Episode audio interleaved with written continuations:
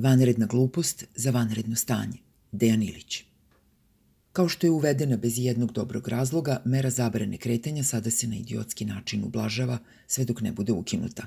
Ali ako možda i nismo bili apsolutno sigurni da ta mera nema nikakvog smisla, način na koji se ona ublažava to sada do kraja potvrđuje pomeriti početak zabrane kretanja sa 17 na 18 sati i to nazvati postepenim ukidanjem zabrane, šamarčina je zdravom razumu i zdravoj pameti.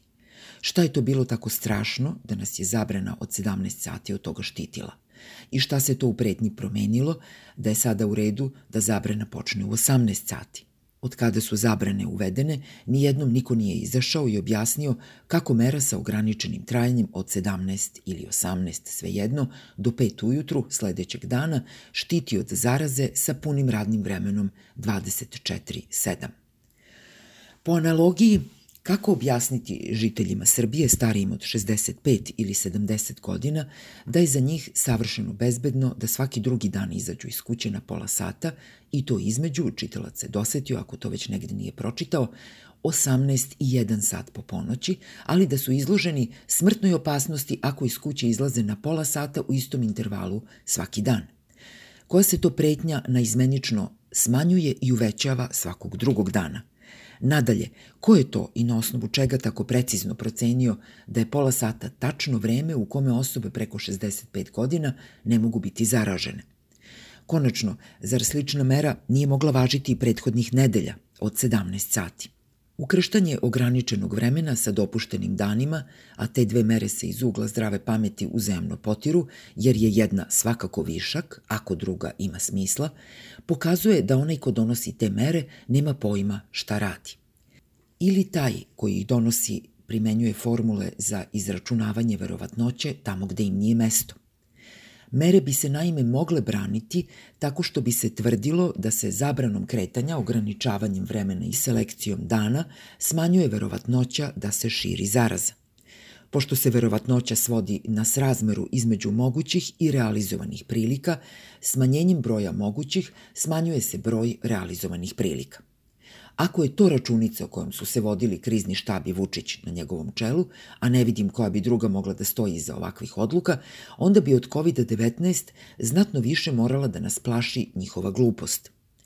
Ograničavanjem vremena se ne postiže ništa protiv širenja zaraze. Umesto da se ograničava vreme, moraju se ograničiti kontakti. Svakome bi moralo biti jasno da prvo nije isto što i potonje.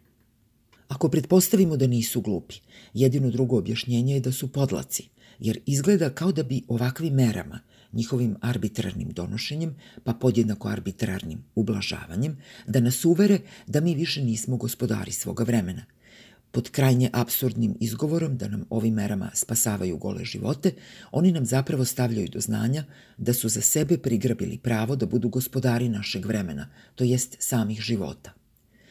Mir sa kojim takve mere prihvatamo, mi žitelji Srbije, nije nužno ružni pokazatelj naše ponižavajuće pokornosti. Naprotiv, strah od zaraze je realan, a pošto se na režim i njegove štabove ne možemo osloniti, onda se moramo osloniti sami na sebe i jedni na druge. Stvar je zdrave pameti ponovo da fizičke kontakte treba svesti na minimum. Organizovanim kršenjem suvišnih i uvredljivih mera narušio bi se ovaj razumni zahtev za suzbijanje zaraze.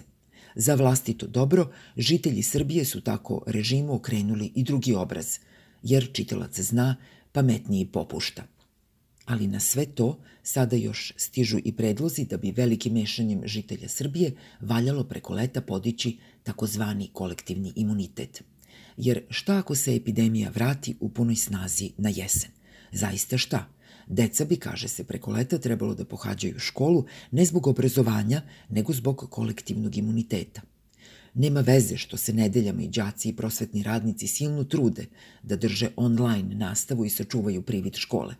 Džaba ste krečili, poručuje krizni štab sa Vučićem na čelu. Jer vi tu više niste zbog znanja i obrazovanja, nego ste od sada nadalje instrument za utvrđivanje kolektivnog imuniteta – Iz tog ugla Šarčević je u pravu kada uporno iz dana u dan ponavlja da neće biti škole preko leta. Šta god da je njegov razlog, on tako praktično brani dostojanstvo nastavnika i đaka i stavlja se konačno u njihovu službu. Predlog da se učenici i nastavnici zadrže u školama preko leta, opet ako nije glupost, može biti samo podlost. Kao što se žiteljima Srbije uopšte stavlja do znanja da više nisu gospodari svojih života, tako se i mladima demonstrira da se s njima može raditi šta god nekom štabu ili Vučiću padne na pamet. To je jedina školska lekcija za koju je ovaj režim iskreno zainteresovan. Tako se školarcima sa vrha vlasti šalje jedna za prosvetu pogubna poruka – bežanje iz škole je stvar elementarnog ljudskog dostojanstva. To nije dobar način da se deca nauče neophodnosti građanske neposlušnosti. Ali pošto se o građanskoj neposlušnosti i inače ništa ne uči u našim školama, onda će ih na naopaki način o tome podučiti tekući režim. Čitalac bi rekao, nazdravlje nam škola.